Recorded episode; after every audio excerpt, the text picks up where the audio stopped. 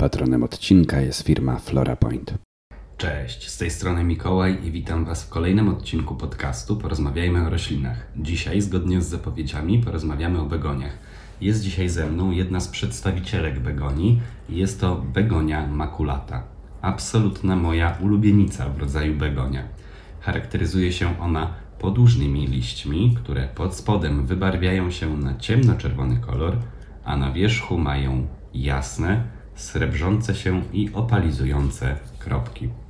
Stąd też nazwa tej begonii Polka Dots, a także całej jakby gromady begonii o takim kształcie liści, które nazywają się Angel Wings Begonias, czyli po prostu begonie o liściach, które przypominają kształtem anielskie skrzydła.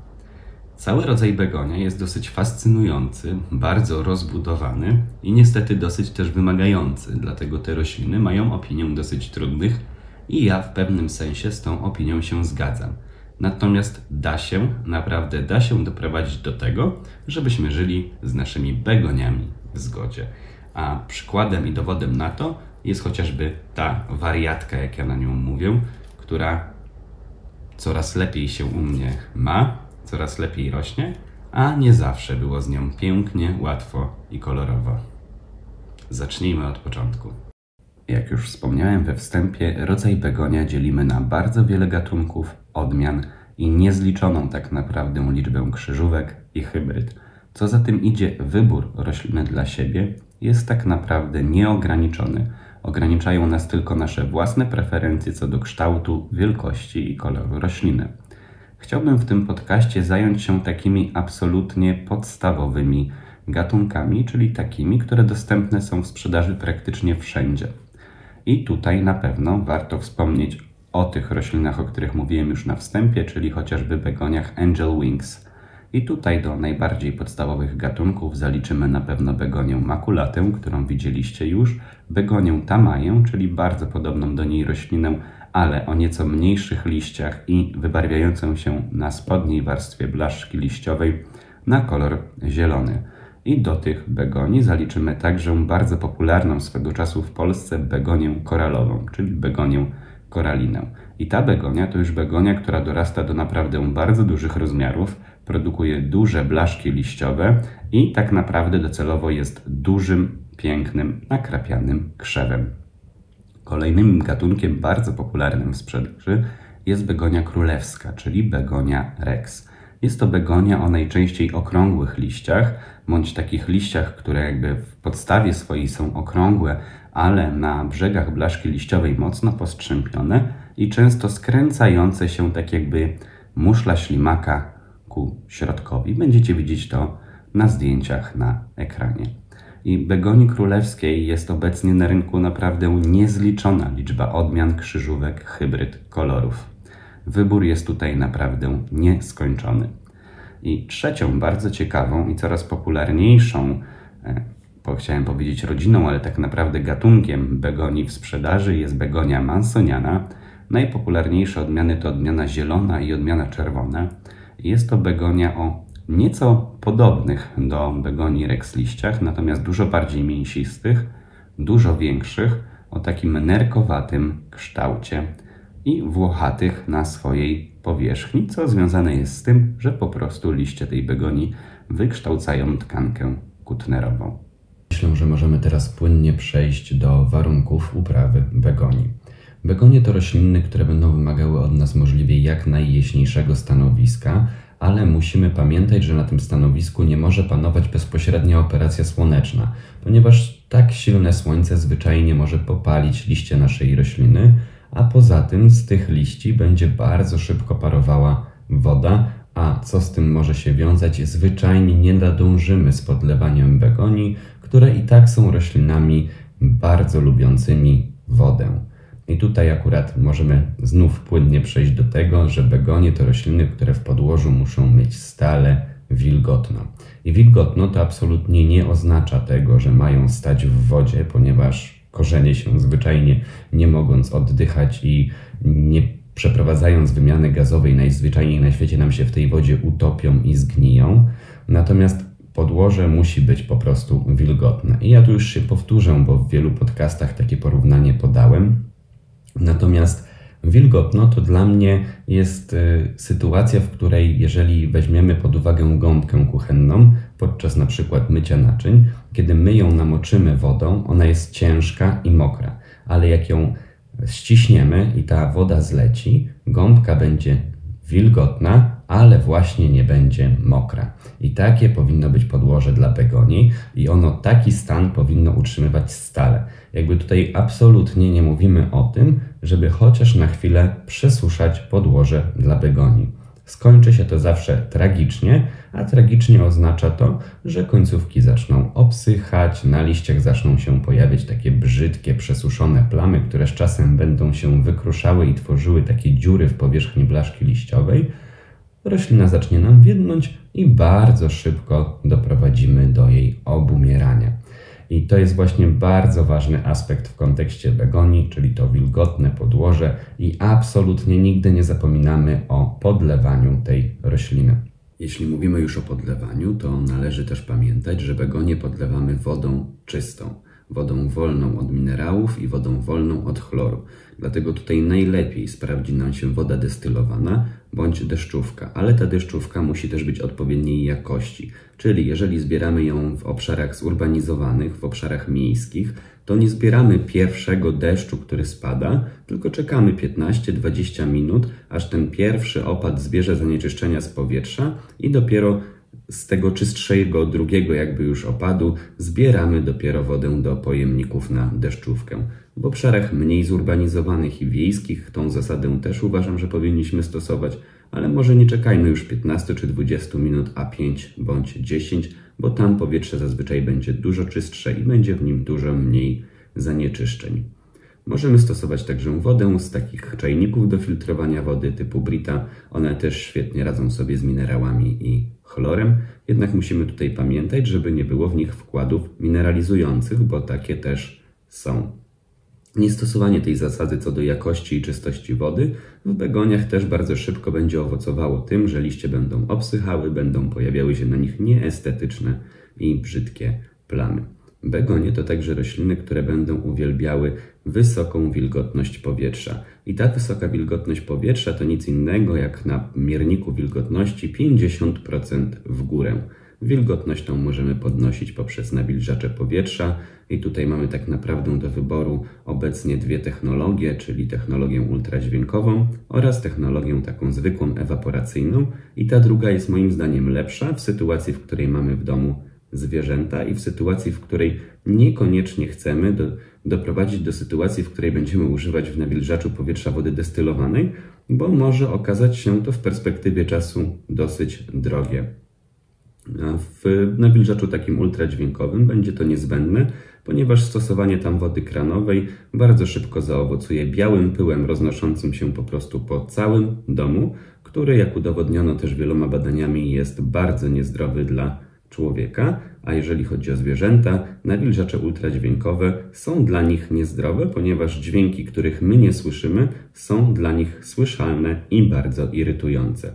Nawilżacz ewaporacyjny za to, czyli działający tak naprawdę jak pojemnik z wodą ustawiony przy roślinach, z tym, że one jeszcze mają system wentylatorów, które ten areozol powstający w wyniku parowania wody zdecydowanie sprawniej i lepiej rozprowadzają w powietrzu, będzie nawilżaczem trochę mniej efektywnym, ponieważ potrzeba jakby więcej czasu od zalania nawilżacza do podniesionej wilgotności powietrza, natomiast w wielu sytuacjach będzie po prostu dużo lepszy i tam ze względu na to, że woda nie jest rozbijana na takie bardzo drobne, wręcz pojedyncze cząsteczki, nie będziemy już musieli stosować wody e, destylowanej. I w tej sytuacji należy wspomnieć o słynnym micie i niemicie związanym z begoniami. Ja gdzieś taki post dodałem na Facebooku, trochę tak e, próbując Was sprowokować, odnośnie tego, że mit, który mówi, że begonie nie lubią zraszania, jest dla mnie absurdalny. I tutaj to absurdalne użyłem celowo, żeby właśnie e, trochę zagrać słowem, natomiast wyjaśniam, dlaczego ja nie do końca zgadzam się z tym stwierdzeniem. Begonie są roślinami tropikalnymi. Jak w każdej strefie tropikalnej mają do czynienia także z wodą i z intensywnymi opadami deszczu.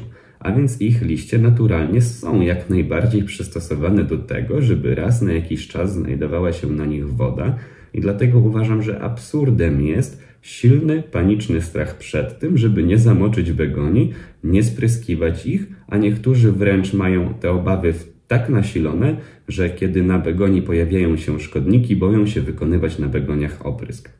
Że tutaj cały tak naprawdę e, problem i cała sztuczka związana z tym, żeby jednak begonie lubiły tą wodę, polega na tym, że ta woda zwyczajnie nie może na tych liściach stać przez dłuższy czas. I to tak naprawdę nie dotyczy tylko begonii, ale zdecydowanej większości roślin. I w warunkach domowych, w których wymiana powietrza w domu jest ograniczona, temperatura w domach też często jest ograniczona, zwłaszcza w okresie takim zimowym, no to ta woda stoi na tych liściach długo. Jeżeli tylko zapewnimy odpowiednią wentylację w naszych pomieszczeniach i sprawimy, że parowanie będzie w tych pomieszczeniach zachodziło sprawniej i szybciej, to absolutnie nie ma się czego obawiać e, w kwestii spryskiwania liści begonii celem ich nawilżenia, umycia czy wykonania oprysku na szkodniki. To jest tak naprawdę jedyny kluczowy czynnik, czyli wymiana powietrza w pokoju oraz to, jak długo ta woda na tych liściach będzie stała. Jeśli ta wymiana z różnych powodów nie jest u nas najlepsza i najszybsza, to po prostu po pół godziny od spryskania liści wystarczy je wytrzeć miękkim ręcznikiem bądź ściereczką i problem mamy z głowy. Ja na przykład, kiedy potrzebuję opryskać swoje begonie, bo nie wiem, są na nich szkodniki albo chcę umyć ich liście, robię to w łazience, gdzie mam sprawny i mocny wentylator i ta begonia stoi tam dosłownie 20 minut, pół godziny i liście ma całkowicie suche. I nigdy nie miałem problemu z tym, żeby moja begonia zaczęła po takich zabiegach chorować. Dlatego jak najbardziej możemy zraszać begonie, jak najbardziej możemy je myć i wykonywać opryski chemiczne, jeśli zajdzie taka potrzeba, ale musimy zapewnić sprawną wymianę powietrza i robić to w dobrze wentylowanym miejscu albo na przykład na zewnątrz na dworzu, gdzie ta woda odparuje z tych liści sprawnie i szybko. Begonie, skoro już powiedziałem o opryskach, są dosyć mocno podatne niestety na przędziorki i wciornastki, i tutaj nie ma innej rady, jak gdy taka sytuacja nastąpi, aby stosować opryski chemiczne bądź biologiczną ochronę roślin, przy czym ja zawsze będę podkreślał, że biologiczna ochrona roślin sprawdza się wtedy, kiedy nasilenie problemu jest małe albo kiedy robimy to prewencyjnie. W przypadku poważnej inwazji szkodnika e, dużo lepiej zastosować jest chemiczny jednak oprysk i mówię to całkiem świadomie. Biologiczna ochrona roślin potrzebuje przede wszystkim sporo czasu, aby była skuteczna, nie zawsze przy intensywnej inwazji szkodnika ten czas mamy. I jeżeli nam zależy naprawdę na roślinie i na tym, żeby ten kryzys przetrwała, lepiej zastosujmy w takiej sytuacji jednak, mówiąc kolokwialnie, chemię.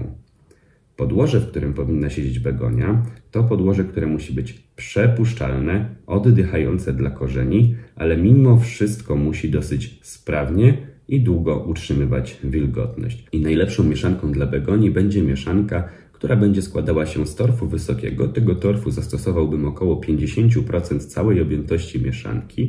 To może wydawać się dużo, natomiast torf wysoki ma wiele właściwości, które w tym konkretnym przypadku będą idealne, ponieważ utrzymuje dosyć długo wilgotność, ale nie ma skłonności do nadmiernego wchłaniania wody, a także jest podłożem lekkim i oddychającym, co będzie idealne w tej sytuacji. E, ten torf urozmaicamy w chips kokosowy.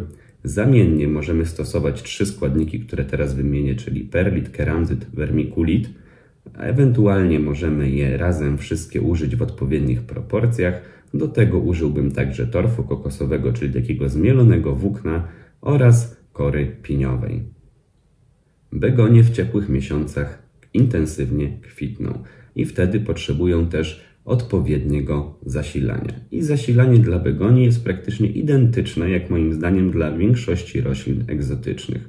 Czyli stosujemy zarówno nawozy NPK, w których mamy stymulatory wzrostu, NPK to azot, fosfor, potas, i musimy uzupełnić je także składnikami mikro. Mikro to żelazo, cynk, miedź, mangan, molibden, wapń. I w tej sytuacji możemy użyć standardowych nawozów do roślin zielonych, które urozmaicimy odżywkami właśnie mikro. I takie odżywki najczęściej znajdziemy pod nazwami nawóz przeciwko chlorozie, nawóz na zielone liście, albo od razu możemy użyć nawozu pełnoskładnikowego. Takich też na rynku jest bardzo dużo. Możemy stosować także biohumus. Biohumus ma tę zaletę, że jest w nim e, bardzo dużo składników i makro, i mikro, natomiast sam w sobie moim zdaniem nigdy nie jest nawozem, który powinien być naszym nawozem podstawowym. Udowodniono już wieloma badaniami, że biohumus może mimo wszystko rozstrajać pH gleby, a do tego wytrąca naprawdę dużo soli, więc stosujemy go ostrożnie i wręcz z taką samą ostrożnością jak nawozy takie typowo chemiczne. Begonie są też roślinami, które nie za bardzo przepadają za częstym dotykaniem, przestawianiem czy ściskaniem ich w dużych gromadach z innymi roślinami. Dlatego starajmy się zapewnić im zawsze stanowisko, na którym dookoła siebie mają co najmniej kilka centymetrów takiej swobodnej, niczym i żadną inną rośliną niezaburzonej przestrzeni, a także starajmy się ich nie przestawiać i zbyt często nie dotykać ich liści. Zaowocuje to naprawdę dużo ładniejszym wyglądem rośliny. Po prostu dajmy jej święty spokój, a ona za to nam bardzo szybko się odwdzięczy.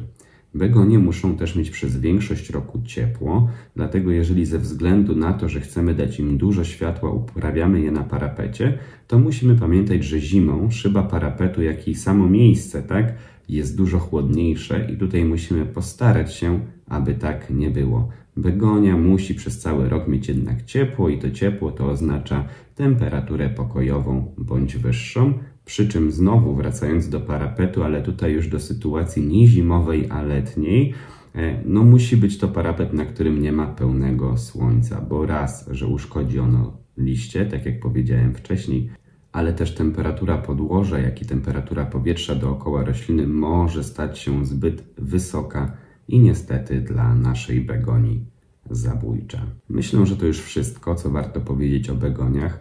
Oczywiście pewnie można by było znaleźć dużo więcej ciekawych informacji, natomiast myślę, że te są takie absolutnie podstawowe i absolutnie wystarczające do tego, abyście mogli zacząć uprawiać z powodzeniem wasze begonie. Sponsorem odcinka była firma FloraPoint. Firma FloraPoint prowadzi sklep internetowy pod adresem www.florapoint.pl. Kupicie w nim wiele pięknych roślin, w tym także begoni oraz znajdziecie tam ogromny wybór doniczek i akcesoriów home decor. Żegnam się z Wami, życzę Wam dobrego dnia, bo nagrywam w nocy, więc pewnie obejrzycie to rano i do zobaczenia już za tydzień w niedzielę. Pozdrawiam, Mikołaj, cześć.